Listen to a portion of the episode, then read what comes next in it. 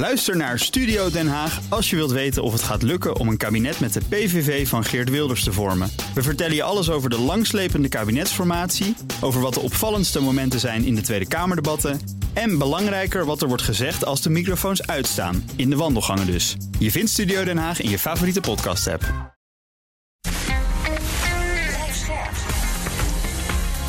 BNR Nieuwsradio. Boekenstein en de Wijk. Hugo Reitsma. God, hey, welcome to the show. Are you a scorned woman seeking revenge? Why'd you play with my head? You better let I'm her know your family in Kansas City, out here. Missouri. Your family. She can never compromise. So yeah, I got on I got on Facebook. Now do you want me? Till next time, take care of yourself and each other. De woordenstrijd tussen Rusland en het Westen volgt keurig het script van de Jerry Springer Show. Bedacht ik me nadat Rob gisteren uitlegde dat de wetmatigheid, dat als je je buurman lang genoeg uitscheldt, je op een gegeven moment een klap krijgt, ook op geld doet in de internationale politiek. Gaan we van schreeuwen naar dingen gooien of is er een andere mogelijkheid? Dat bespreken we bij Boekenstein en de Wijk op zoek naar de nieuwe wereldorde. Met uw talkshow-hosts Arend Boekenstein en Rob de Wijk. En onze gast David Kriekemans, hoogleraar internationale politiek aan de Universiteit Antwerpen. Fijn dat u er bent. Dank voor de uitnodiging. Uh, meneer Kriekemans, die woordenstrijd, hoort dat er niet gewoon een beetje bij? Ja, dat hoort er natuurlijk bij, uh, maar het heeft een eigen dynamiek gekregen, zou je kunnen zeggen. We zitten uh, al een hele tijd in een uh, opbod en woorden zoals Wereldoorlog 3, die niemand meer verbazen. dus de vraag is natuurlijk, ik zou willen zeggen, woorden tellen. De woorden die we gebruiken om bepaalde dingen te duiden, de doelen die al dan niet worden aangegeven, dat is toch wel van belang. En de vraag is of dat opbod uh, nu geen overhand heeft gehaald en er misschien geen andere woorden en retoriek ook mee in de plaats moeten komen om dit conflict ook een andere dynamiek te geven. Ja, het zijn niet alleen de woorden. Hè? Mm. Ik bedoel, in Rusland is het al, al lang de derde wereldoorlog als je daar de tv kijkt. In het Westen zijn de doelen ook een beetje opgeschoven. Hè? Tot en met Rusland moet hier verzwakt uitkomen. Wat is daar gebeurd? Wel, um, er is daar natuurlijk die bijeenkomst geweest in, uh, in Ramstein, uh, waar uh, Lloyd Austin, de defensieminister van de Verenigde Staten, zogenaamd overleg heeft gepleegd met zijn NAVO-partners en enkele vrienden, hè, 40 landen in totaal. Maar je hoort daar toch wel dat de Amerikanen eerder daar ja, een beetje de lijnen hebben uitgezet. En je kan je achteraf, als we de geschiedenisboeken gaan schrijven, Misschien gaan we wel zeggen dat dat een beetje een moment is van overmoed. In die zin dat de doelen schuiven. Hè? Want eerst was het uh, uh, Rusland, uh, ja, die inval. Daar moet een tegenstand tegen worden geboden. nu is het bij, bij monden van de Britse defensieminister. Rusland moet verwijderd worden van het territorium. Maar Lloyd Austin ging nog een beetje verder. Namelijk, ja, Rusland moet zodanig verzwakt worden dat het nooit meer in staat kan zijn om dergelijke acties te ondernemen. Ja, en dan denk je natuurlijk dat het woordje regime change niet zo heel ver meer zit. Regime change in Moskou dan. Dus de vraag is of die doelen niet wat duidelijker geconcretiseerd moeten worden in een strategie. David, mag ik je wat vragen? Want kijk, op zichzelf genomen dat Austin dat doet, dan kan je nog. Het, is, het past een beetje in een bepaalde Amerikaanse traditie van Jacksonianisme. Hè? Gewoon behoorlijk belligerente en taal plus can-do mentality. Wat ik, wat ik echt schokkend vind, is dat in de Britse buitenlandspolitieke traditie. Is, is dus uh, gematigdheid, balance of power en beheerstheid is belangrijk. Met Gladstone, Disraeli, Palmerston. Nou hebben we dus mevrouw Truss een Brexiteer. Hè? Niet bekend om haar uh, briljante buitenlandse politiek. De minister van Buitenlandse Zaken. Buitenlandse. Ja. En die zit ook. Maar we gaan Rusland permanent verzwakken. Dit is toch een, mm -hmm. een ongelooflijk kwaliteitsverlies in, in, in de internationale diplomatie. Hoe kijk jij daar tegenaan? Wel ja, natuurlijk. Uh, natuurlijk Groot-Brittannië. Uh, de heer Johnson is gered dankzij de oorlog uh, in Oekraïne, denk ik dan. En men heeft ja. de vlucht vooruitgenomen. Men heeft wel het voortouw genomen met betrekking tot aanlevering van militaire wapens en binnen de NAVO een aantal geesten doen laten rijpen met betrekking tot die oorlog in Oekraïne. Maar het gaat nu wel erg ver. En natuurlijk, uh, de fallout daarvan de gevolgen daarvan, een destabilisering eventueel van de Europese landen. Ja, die gevolgen die zijn voor de Europese Unie. Uh, dus met andere woorden, u zou ook als u heel uh, perfide bent of een beetje uh, cynisch in de analyse, ja, de, als de Europese landen wat verzwakt uitkomen, ja, dat is niet noodzakelijk slecht voor deze Britse regering. Maar ik denk dat men ook weer zonder een strategie eigenlijk naar dit verhaal kijkt en in een bepaalde logica is terechtgekomen, ja, zonder daarin strategisch te denken, denk ik dan. Maar, maar, maar David, wat is dat nou? Hè? Ik, dit is gewoon wat we iedere keer weer zien. En je zei terecht van uh, misschien moeten we weer een uh, geschiedenisboek uh, hierover gaan schrijven. En dan constateren we misschien weer hetzelfde. maar ik denk iedere keer nu even aan Noord-Korea wat daar gebeurd is. Hè. President na president van de Verenigde Staten heeft geroepen dat dat land verzwakt moet worden. Nooit meer een bedreiging mag vormen. Maar het leuke is dat die hele Kim-kliek, die daar al decennia aan de macht is, gewoon in staat is om die bedreiging eigenlijk alleen maar groter te maken. En uh, het is een land dat helemaal niets meer voorstelt.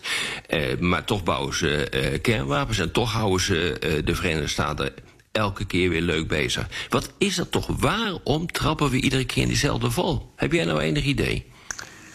Wel, uh, er zijn bepaalde dynamieken in de internationale politiek natuurlijk. Bij gebrek aan uh, investeringen in conventionele bewapening zijn we aan overcompensatie gaan doen, denk ik dan. Uh, ook in de economische oorlogsvoering, in de sancties. Maar de maakbaarheid van de wereldpolitiek via sancties is toch wel heel beperkt en geeft net het, uh, vaak het omgekeerde effect. Hè. In, in dit scenario denk ik dat we veel te veel denken dat die westerse scenario's Rusland verzwakken, terwijl het eigenlijk eerder, denk ik dan, de opkomst van Eurasië net het scenario wat we niet willen uh, gaat bestendigen.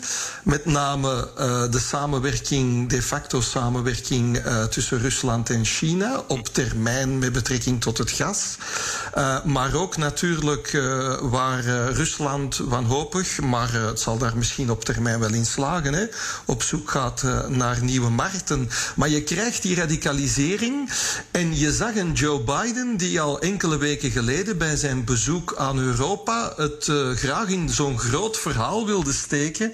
De democratieën versus de autocratieën. Ja, dan natuurlijk krijg je een, een, een, een stuk verdere radicalisering en blokvorming die iedereen op een, op een plaats zet, waardoor dat de Europese landen eigenlijk op termijn misschien zelfs niet meer in staat zullen zijn om zelfstandig bepaalde keuzes uh, te maken. Uh, heel, soort heel, dynamieken die we goed ja. kennen. Wat, wat van tafel valt, hè, is dat er nogal wat landen in de wereld zijn die eigenlijk heel anders over Rusland nadenken dan wij. Hè? Mm -hmm. Ik noem ze op China, India, Zuid-Afrika, Mexico, Brazilië. En er zijn er nog meer. En dat, dat valt dus in ons, in ons discours een beetje van tafel. Dat dat allemaal belangrijke landen zijn die we straks nog heel hard nodig hebben. Heel, ja, ja. Maar, maar, maar, voor jullie beiden, toch even naar die diepere oorzaak. Wat is dit? Want het is iedere keer wat je hetzelfde uh, ziet. Hè? Ik heb net even het voorbeeld ge, genoemd van Noord-Korea, overmoed. Mm -hmm. Van hoe gaan we ermee om? Nou, dat kunnen we wel makkelijk aan, dat land. En dat lukt dus gewoon niet. Hè? Iedere keer is hetzelfde glazen. Wat is dat toch, dat patroon in die internationale betrekkingen? Wie, wie heeft er nou een behoorlijk antwoord op? Die hubris wordt gevoed bij Amerika natuurlijk door het besef dat ze, een, dat ze de grootste en sterkste krijgsmacht van de wereld hebben. Helaas beseffen ze niet dat je daar niet zo heel veel aan hebt in deze wereld, want de meeste oorlogen die gaan missen.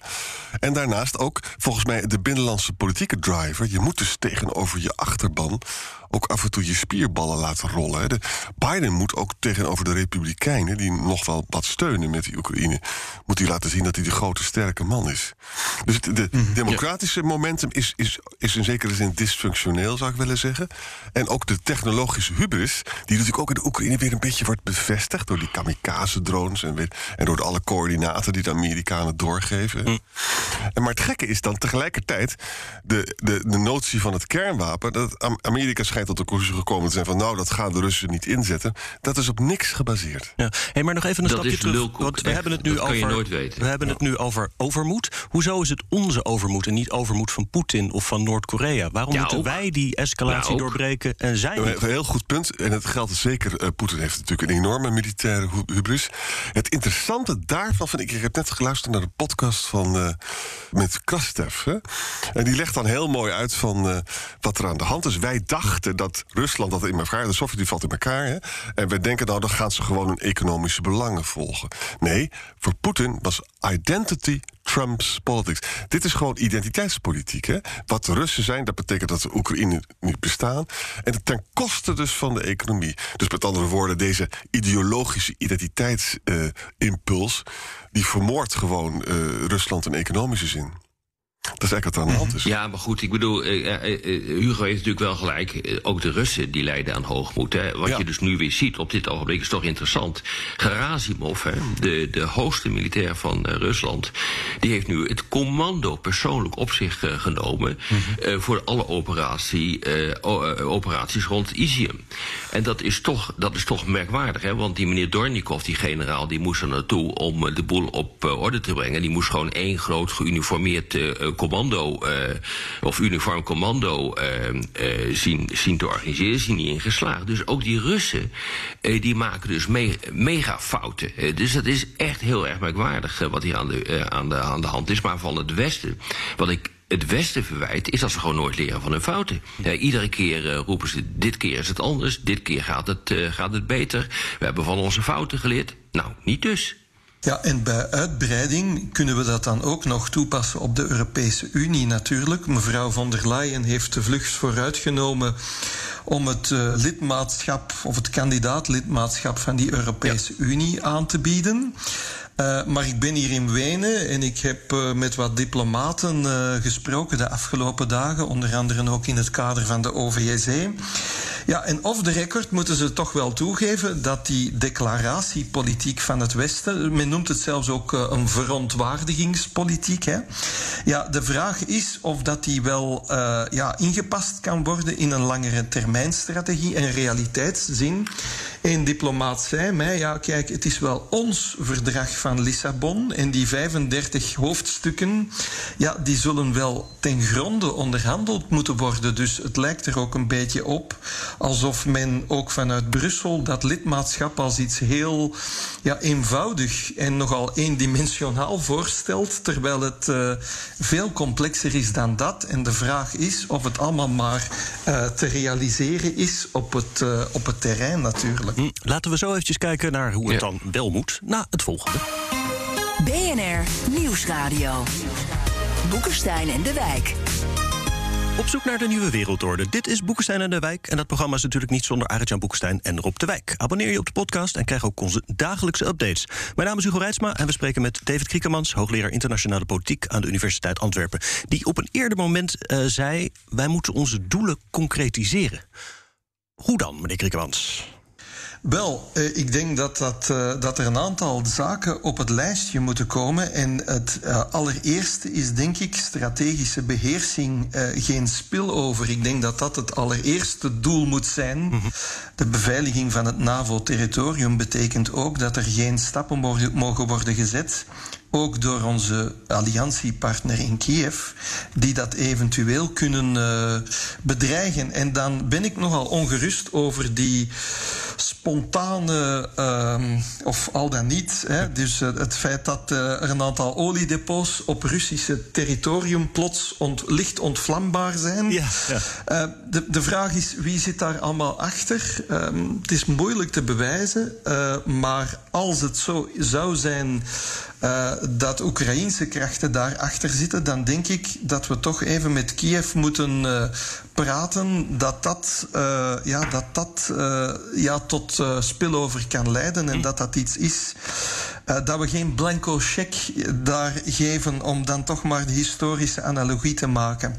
Maar, de, Ehm, maar de, even, even daartussendoor, David. De Britse minister van Defensie heeft gezegd dat het totaal legitiem is, dit soort operaties. Dus we, we moedigen dat ook nog een keer. Wel, dat is nu net het punt dat ik wil maken. En ehm, als we dat even verbinden. Ja, uh, ik weet niet hoe het met u is, maar tegenwoordig word ik al op straat aangeklampt door uh, verontruste burgers. En zij hebben onder andere een van hun uh, bezonjes zijn natuurlijk net dat dit door allerlei aankondigingen, zoals de aankondiging die je zegt erop, uh, dat, uh, ja, dat, dat we eigenlijk uh, al slaapwandelend in een, in een nog verdere escalatie terechtkomen. Dus ik denk dat dat, en dat hoeft daarom niet in het publiek domein, maar ik denk dat er toch eens binnen de schoot van de NAVO daarover moet, moet gepraat worden. En dat is dan denk ik een rol die een aantal Europese landen zouden kunnen spelen binnen de NAVO om dat toch duidelijker uh, te maken en dat dat ja, ook gecommuniceerd wordt naar Kiev. En dan om de vraag van Hugo verder uh, te ontwikkelen. De doelen, ja, gaan natuurlijk. We zitten daar met een tegenpartij die ook bepaalde doelen heeft die denk ik evolutief zijn. Uh, Donbass, Mariupol, de Krim, maar eventueel verder richting Transnistrië. Hè? Hm. Dus daar moeten we wel degelijk een antwoord uh, aanbieden. Um, dat, moet, dat kan niet anders dan deels militair zijn. Hè? Maar uh, de vraag is, hoe ver zal dit alles uh, gaan? En moeten we naast het militaire traject ook weer een, een, niet onmiddellijk, niet ook wat duidelijker maken? Hoe gaat dat nieuwe Oekraïne eruit zien? Want ja, zelfs na zo'n strijd stelt zich ook de vraag met betrekking tot de positie uh, van de minderheden in Oekraïne en de Russisch hm. sprekende. Vele daarvan zijn nu ook tegen Rusland. Uh, maar dat moet denk ik ook duidelijker worden. En dan natuurlijk, het laatste punt dat ik ook nog even wil ontwikkelen, is met betrekking tot de haalbaarheid van dit alles. Uh, gisteren weer opnieuw met een aantal diplomaten gesproken. Zij spreken over die, reali zij spreken over die lange termijn uh, strategie. Realiteitszin moet doordringen. Dat gaat ervoor zorgen dat de eenheid binnen tussen de Europese landen misschien wat gaat afbrokkelen. Hè? Maar er zijn gevolgen op energievlak, inflatie, misschien straks ook voedsel. Ja, dat moet ook allemaal, denk ik, beheerst worden. Dus um, de vraag is. Uh, ja, hoe, hoe ver kan dit, uh, hoe, hoe ver uh, kunnen de Europese landen gaan in, in die steun? En is er daar ook niet een stuk draagvlak dat dreigt weg te vallen? als dit een oneindig lange strijd zou worden. En ik denk Natuurlijk inderdaad gaat dat, gebeuren. dat dat gaat gebeuren. Ja. ja. Dat kan, dat kan. Maar, maar, de grote vraag is: wie gaat er nou eigenlijk zeggen. Jongens, hou eens even op met deze onzin. Uh, hou de escalatie voor uh, ogen. Wie, wie doet dat? Wie start die discussie? Nou, ik wie, denk... wie moet dat nou gaan doen? Want ik bedoel, dat is echt gewoon de hamvraag hoor. Ja, maar Macron zou dat. Uh, het moet allemaal natuurlijk in het geheim gebeuren. Hè?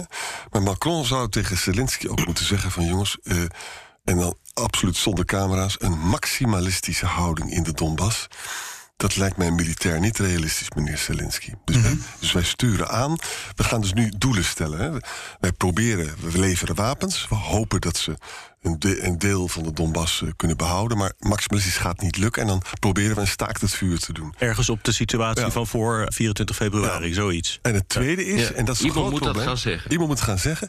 En verder de, jongens, zuiden, de weg van Mykolaiv naar Odessa... dat moet bij de rompstaat Oekraïne blijven. Anders zijn ze niet... Mm -hmm economisch vitaal. Dan zijn ze van de zee afgesloten. Ja, en ja. dat is natuurlijk een probleem. Kijk, nu is het, nee, even, is ja, ja. nu is het even zo dat, dat het gaat niet zo vreselijk goed met de Russen... hoewel het de laatste dagen weer beter gaat. Maar goed, je zou kunnen zeggen, dat, daar, zover zijn ze nog niet. Hè.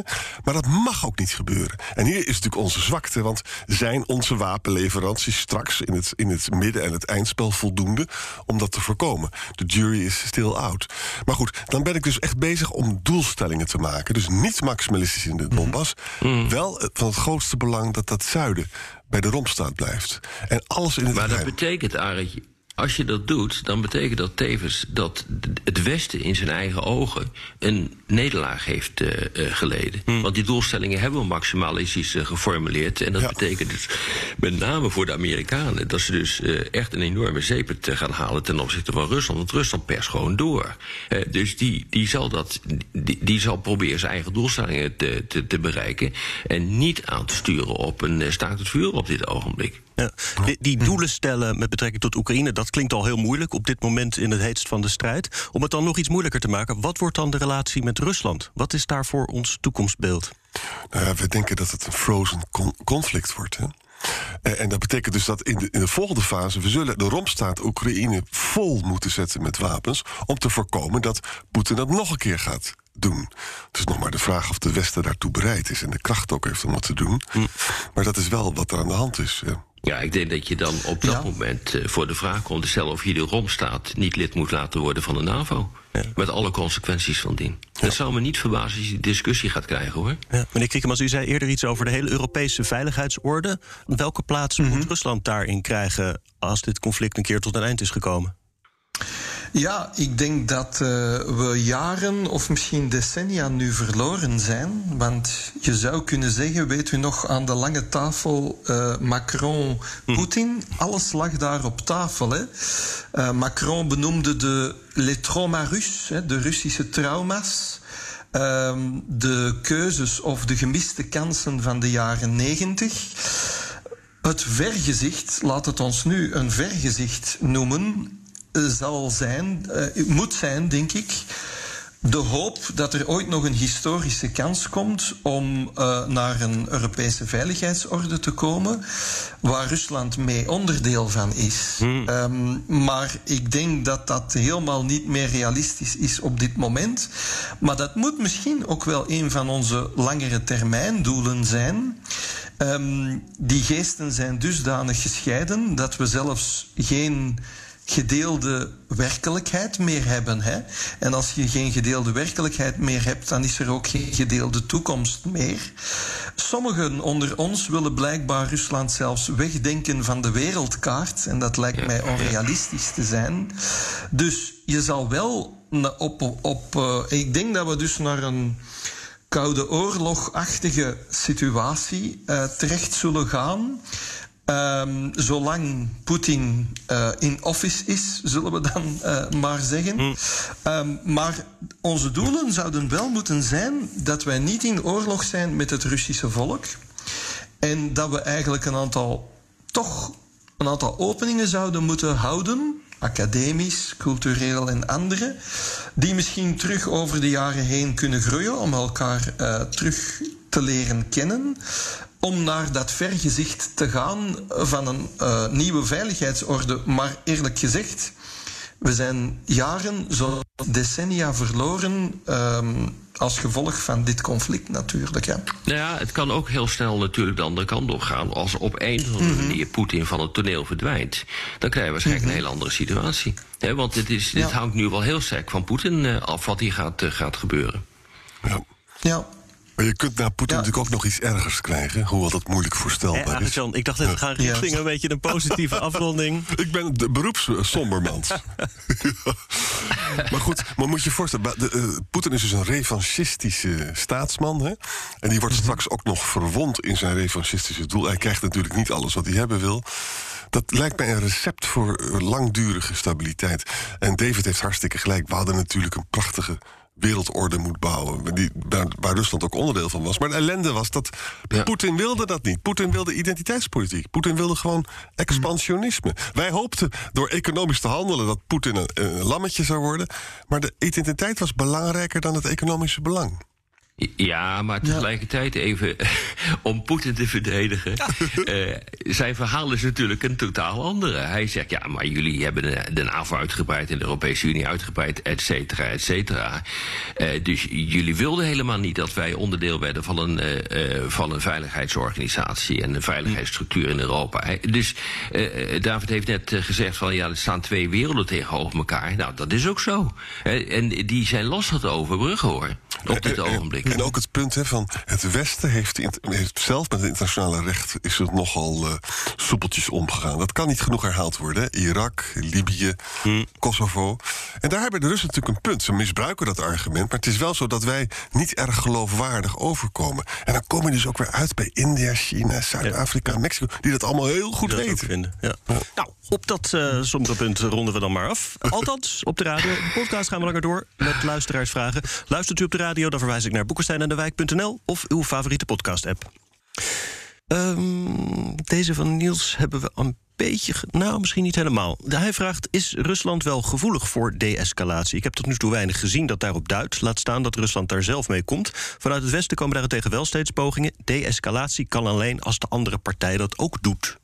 Eh, wat je in ieder geval wel Klopt. kan. Tot nu toe heeft hij dus dat tactische kernwapen niet ingezet. Hè? Dus geen enkele garantie voor de toekomst. Maar het is wel zo, tot nu toe is die beheersing er wel geweest. Het is gezwollen retoriek. Alleen de ellende is het geen enkele garantie. Geen enkele. Nee, behalve als er concessies worden gedaan aan de kant van, eh, van Zelensky. Eh, als Zelensky zou zeggen van, nou ja, goed, ik, eh, zie niet meer in hoe ik eh, die 1300 kilometer grens zuidoost eh, moet terugveroveren. En ik zie dat niet meer zitten en laten we maar proberen te komen tot een vergelijk. Ja, dan, dan, dan kan dat. Maar dat zie ik niet gebeuren. Wat er ook nog meespeelt is natuurlijk die Russische publieke opinie, die eerst zowat in het ongewisse is gelaten over die speciale militaire operatie. En nu heb je eigenlijk een andere operatie gehad in de om de publieke opinie ja, eh, terug mee te krijgen en een of ander verhaal te verzinnen eh, hoe we eigenlijk in deze oorlog, lees dan, hè, want het wordt eh, te pas en te onpas gebruikt, hè, oorlog tegen de infrastructuur van de NAVO, ja, hoe, hoe we daar nu terecht zijn gekomen. Dus met andere woorden, er is een beetje een probleem. Ja, omdat die Russische publieke opinie nu ook opgezweept is. Dus ehm, ja, dat, dat lijkt mij dan niet zo eenvoudig om nu plots eh, terug te schakelen naar zo'n de-escalatie. Adriaan. Bernie heeft meer een stelling dan een vraag volgens mij. Eh, hij zegt het is echt hopeloos hoe de heren Rob de Wijk en Arendt Boekenstein niet nadenken over de consequenties als Poetin wint. Economische malaise voor Oekraïne, een onveilig Europa, China die kans ziet Taiwan te annexeren, Kim Jong-un die ambities krijgt, want met de dreiging van kernwapens win je alles toch? Maar daar wil ik graag op antwoorden. Kijk, het principe is hier, dat begrijp ik ook heel goed... hè, nationale grenzen zijn heilig. Als Poetin hiermee wegkomt, dan kan eh, China dat wel bij Taiwan ook doen. Als dat gevolg van die principiële redenering is... dat er een jarenlange oorlog komt... waar ongelooflijk veel mensen bij sterven... Mogen wij dan ook eh, praten over de kosten van het, eh, van het eh, handhaven van het principe? Buitenlandse politiek is het kiezen tussen kwaden.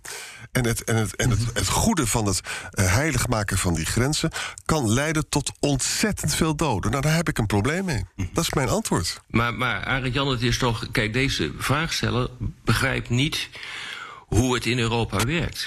Het is de taak van de NAVO, en dat hebben we vaker uitgelegd, om de burgers te beschermen.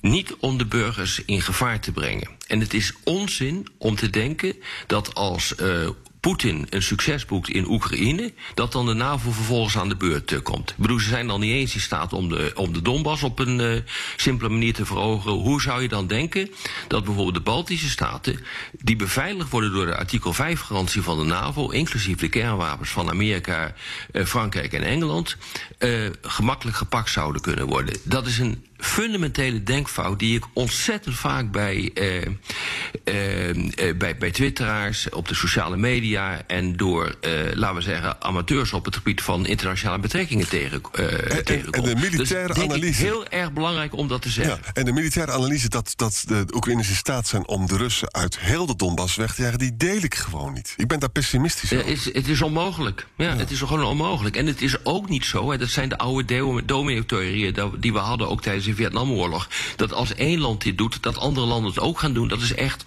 Dat, de, historisch gezien klopt dat gewoon niet. Dat is ook waar. Zien we dit is allemaal verkeerd, eh, één- David? Ja, maar er is wel één element dat ik daar eh, dan een beetje als tegengewicht aan wil toegeven. Eh, toe- eh, dus ik deel de analyse, hè. Maar het is natuurlijk wel zo dat we een aantal NAVO-landen hebben, de jonge landen, de Baltische Staten en Polen, die terecht en begrijpelijk met een aantal historische trauma's zitten. Ja. Ehm, en die natuurlijk op een andere manier hier naartoe kijken. En dan hoor ik toch ook in onze diplomatieke kringen West-Europa. Ja, dat er vooral heel veel gepraat moet worden om hen, ehm, ik zal maar zeggen, om artikel 5 te herbevestigen. Ehm, maar ja, wederom opnieuw Uh, u weet nog in het verleden, en jullie hebben het er ook over gehad, de, het Poolse voorstel voor een zogenaamde humanitaire no-fly zone en zo. Dat zijn allemaal ideeën die eigenlijk ontstaan vanuit, een, vanuit die historische trauma's natuurlijk. En daar moet je binnen de NAVO politiek wel iets mee doen, natuurlijk, om um, ja, een, gerust, een geruststellende uh, boodschap te geven. Mm -hmm. En dat betekent ook, Zeker. David, dat betekent ook, dat is heel belangrijk, dat dat idee van strategische autonomie van Macron, dat, dat we ook meer mm -hmm. naar Europese defensie toe gaan, ik ben daar een groot voorstander van. Maar voor de Oost-Europeanen en voor de Baltische staten, die willen daar niet over praten, want die voelen zich het veiligst bij de NAVO. Mm -hmm. Dus hier, ja. ik ben heel interessant. Het compromis wordt ook een Europese zuil binnen de NAVO met Amerikaanse goedkeuring. Maar bedenk goed dat het, Europa staat er veel minder goed voor dan veel mensen nu denken door die oorlog. Wat... Op dit ogenblik wel, ja. Ja, ja zeker. Ja, ja. Dat hebben we onszelf wel aangedaan. Hè. Maar eh, nogmaals, het fundamentele punt van het domino-effect. Dat klopt gewoon niet. Dat is historisch onjuist. En het klopt in dit geval zeker niet, omdat de NAVO-landen uh, die worden uh, beveiligd door de artikel 5-garantie. En that's it. Ja. Bobby Jagernat zegt: Ik begrijp deels de kritiek die jullie hebben op de Amerikanen. Um, maar is die terecht? De VS is een wereldmacht en zoals al is geconcludeerd, staat er voor hun meer op het stel. China en Taiwan. Daarnaast zitten de VS militair dieper in het conflict en kunnen ze op niemand terugvallen. Ja. Nee, het heeft ook te maken met een uh, andere instelling van de Verenigde Staten. Het is gewoon echt die can-do-mentaliteit, dat optimisme, uh, dat onvoorwaardelijke vertrouwen in hun eigen kracht, onvoorwaardelijke vertrouwen in hun, uh, in hun technologie. En dat blijkt gewoon keer op keer in de geschiedenis gewoon niet te kloppen. Dat, dat is denk ik het, het punt dat we iedere keer proberen te maken. En daarom zeggen we. Kijk nou een beetje uit met wat je aan het doen bent. En Amerika heeft zoveel hubris gehad in Irak en ook in Afghanistan. Ja. En dan gaan we dus nu zeggen dat, dat Amerika buitengewoon succesvol zal zijn met een maximalistische strategie in de Donbass. Ik begrijp nee, maar de vragenstellers, de ja. vragenstellers, ik zie het continu met de vragen die voorbij komen, die leiden aan hetzelfde probleem. Namelijk een totale overschatting van wat er mogelijk is. Wij bestuderen dit nu al zo lang, uh, dit soort uh, conflicten, de geschiedenis, de internationale betrekkingen. Ja, we komen wel tot de conclusie dat de, dat de mogelijkheden in de praktijk buitengewoon beperkt zijn. En dat is, dat is wat onze analyses, denk ik, kleuren. En niet een optimisme. En dat optimisme, jongens, is gewoon geen strategie. Ja. Ja, het is trouwens ook niet in het Europese belang dat dit een oneindige uh, strijd zou worden. Hè? Dus de Amerikanen zouden dat misschien, ze hebben wel de middelen om dat te doen. Uh, maar uh, ja, ik denk dat de Europeanen daar toch wel enigszins anders ook naartoe gaan kijken. Al was het maar op termijn. Ja, zeker. Over zes maanden gaan misschien de mensen massaal de straat op. Omdat ze de gasrekening niet meer kunnen betalen. Ja, jongens, je gaat dat soort dingen krijgen. Of uh, omdat we überhaupt geen gas hebben. Uh, om huizen of uh, te verwarming. Of misschien een deel van de industrie aan de, aan de praat te houden. Komende winter. Mm. Ja, dan kan je dat soort dingen krijgen. Dan moet je gewoon. Ja, en dan is de grote vraag: wie heeft er dan gewonnen? Ja, als je ontwrichting krijgt in Europa. en Rusland die gaat lekker door met zijn oorlog wordt wel geraakt door de sancties. Nou, dan moet je, je. Je moet dus ook, en dat willen we ook maar niet doen. Uh, heel goed gaan nadenken over uh, de definitie van een overwinning. Wat is dat nou eigenlijk? Nou, dan kom je weer met de doelstellingen die we eerder hebben uh, besproken. Jan van Dingstee vraagt hoeveel mensen zijn er eigenlijk in Transnistrië en heel Moldavië en de Donbass en de Krim werkelijk Russisch georiënteerd? Is nationalistisch of etnische scheiding, zoals in ex-Jugoslavië, niet onvermijdelijk voor stabiliteit? Nou, om te beginnen, te beginnen in Transnistrië zitten 1500 Russische soldaten, las ik ergens. Mm -hmm. Ik, ik kan mij. Moldavië zelf, dus dat is het, het land ernaast. Eigenlijk is Transnistrië ook van Moldavië. Maar goed, dat hebben de Russen dan bezet. Ik geloof niet dat daar erg veel Russische gezinden in zitten. Klopt dat, jongens? Nee, in Moldavië niet. Transnistrië wel. Ja. Maar het vreemde is natuurlijk dat op dit ogenblik uh, uh, het hevigste oorlog wordt uh, gevoerd in steden als Kharkiv. Nou ja, Mariupol. Hmm. dat zijn nou typisch steden waar een behoorlijk deel van de bevolking Russisch-talig is. Uh, dat is echt heel merkwaardig wat daar, uh, wat daar gebeurt. En dat geldt ook voor de Donbass. Dus die scheiding had je al. Alleen, het is niet een 100% scheiding. Het is Kharkiv, Mariupol, niet meer dan de helft is uh, Russisch-talig. Of was, moet je in dit geval zeggen. En er waren natuurlijk ook een hele hoop Oekraïners die nog in de Donbass woonden. Ja. Oekraïnisch-talig, om het maar zo te zeggen. Dus ik bedoel, je kunt die harde scheiding gewoon niet maken. Het loopt allemaal dwars door elkaar heen. Het is niet zo dat er een taalgrens is. Dat is gewoon niet zo. En bovendien is het zo dat ook heel veel Russisch-taligen, bijvoorbeeld in Kharkiv, maar ook in Mariupol en elders.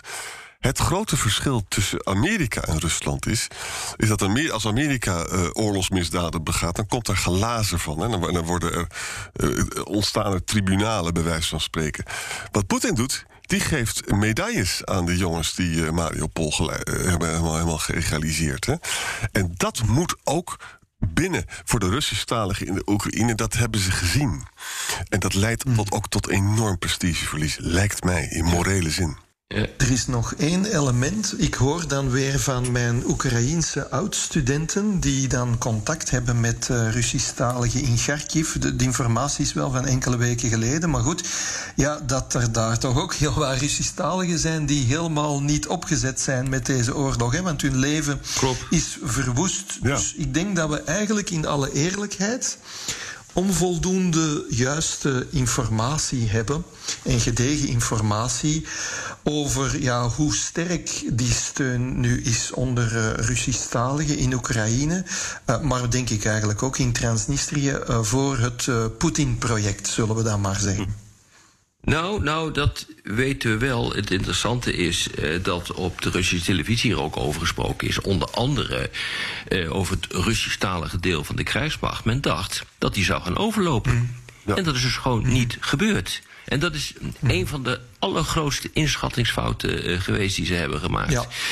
Dus, um, en het feit uh, dat, dus die, uh, dat er weinig berichten zijn uit die belegerde steden, dat de Russen massaal de kant, kant hebben gekozen van de bezetter en de, de Oekraïners, om het maar even simpel te zeggen, een kopje kleiner hebben gemaakt, dat geeft echt te denken. Mm -hmm. Ik pak nog even deze vraag van Robert. Uh, die wil weten hoe beoordelen jullie het belang van China en heeft hun zwijgen een grens? Het raakt ook hun Belt and Road initiatief en de invloed in Oost-Europa. Daarnaast vergroot dit de waarde van de NAVO verder. Tegelijkertijd zijn de VS en de EU niet bezig met China en geeft ze dit inzichten voor Taiwan. Er zijn een heleboel puntjes die hierin. Maar hoe um, zit er een grens aan de steun bij China, de steun voor Rusland? Ik denk dat de Chinezen in alle eerlijkheid niet echt opgezet zijn met deze oorlog. Um, maar China moet je altijd begrijpen vanuit het principe van de stabiliteit. Hè? Stabiliteit van de internationale orde. En dan lees dan vooral het feit dat zij economisch verder willen groeien. Dat houdt ook verband met het interne sociaal contract. Hè? Die mhm. Chinese Volkspartij die moet gestage economische vooruitgang kunnen aanbieden aan haar bevolking. Want anders zou die wel eens beginnen te morren. Of misschien zelfs ja, in vraag gaan stellen. En ik denk dat je vanuit dat perspectief ook kan kijken naar de positie van China. Uh, China, ja is misschien de enige die zijn hand nog niet overspeeld heeft in heel, deze crisis. In die zin dat het afwacht. Typisch Chinees, lange termijn perspectief. Het is ook moeilijk om uw alliantiepartner Rusland zomaar uh, openlijk te laten vallen.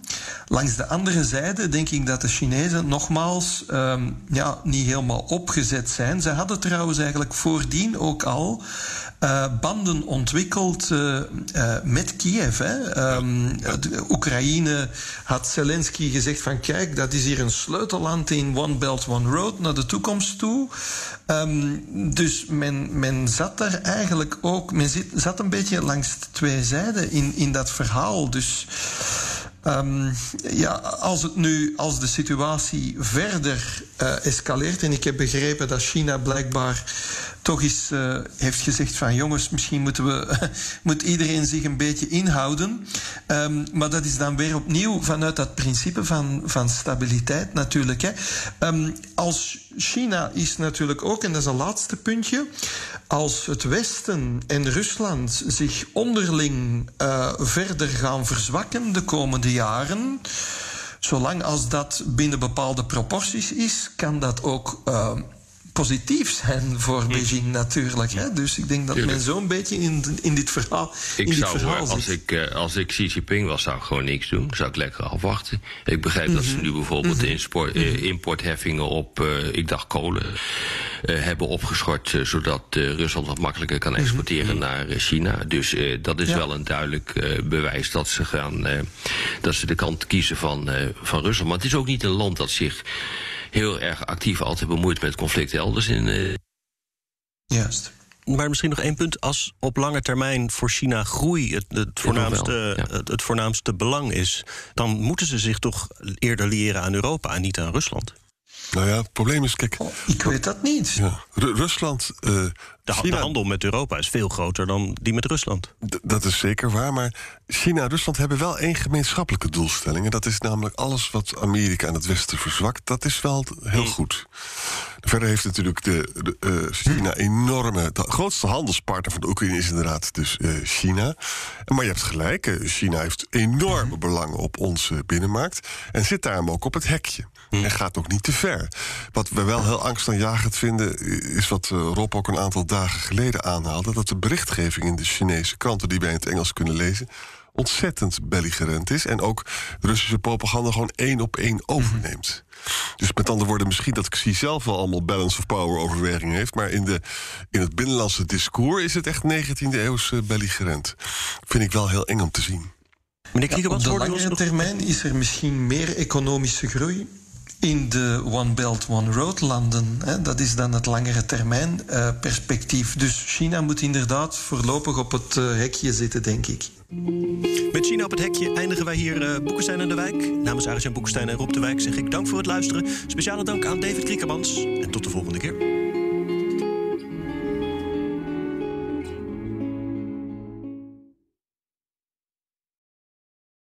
Ook Hugo Reitsma vind je in de BNR-app. Superhandig die BNR-app. Je kunt alle programma's live luisteren, breaking nieuwsmeldingen.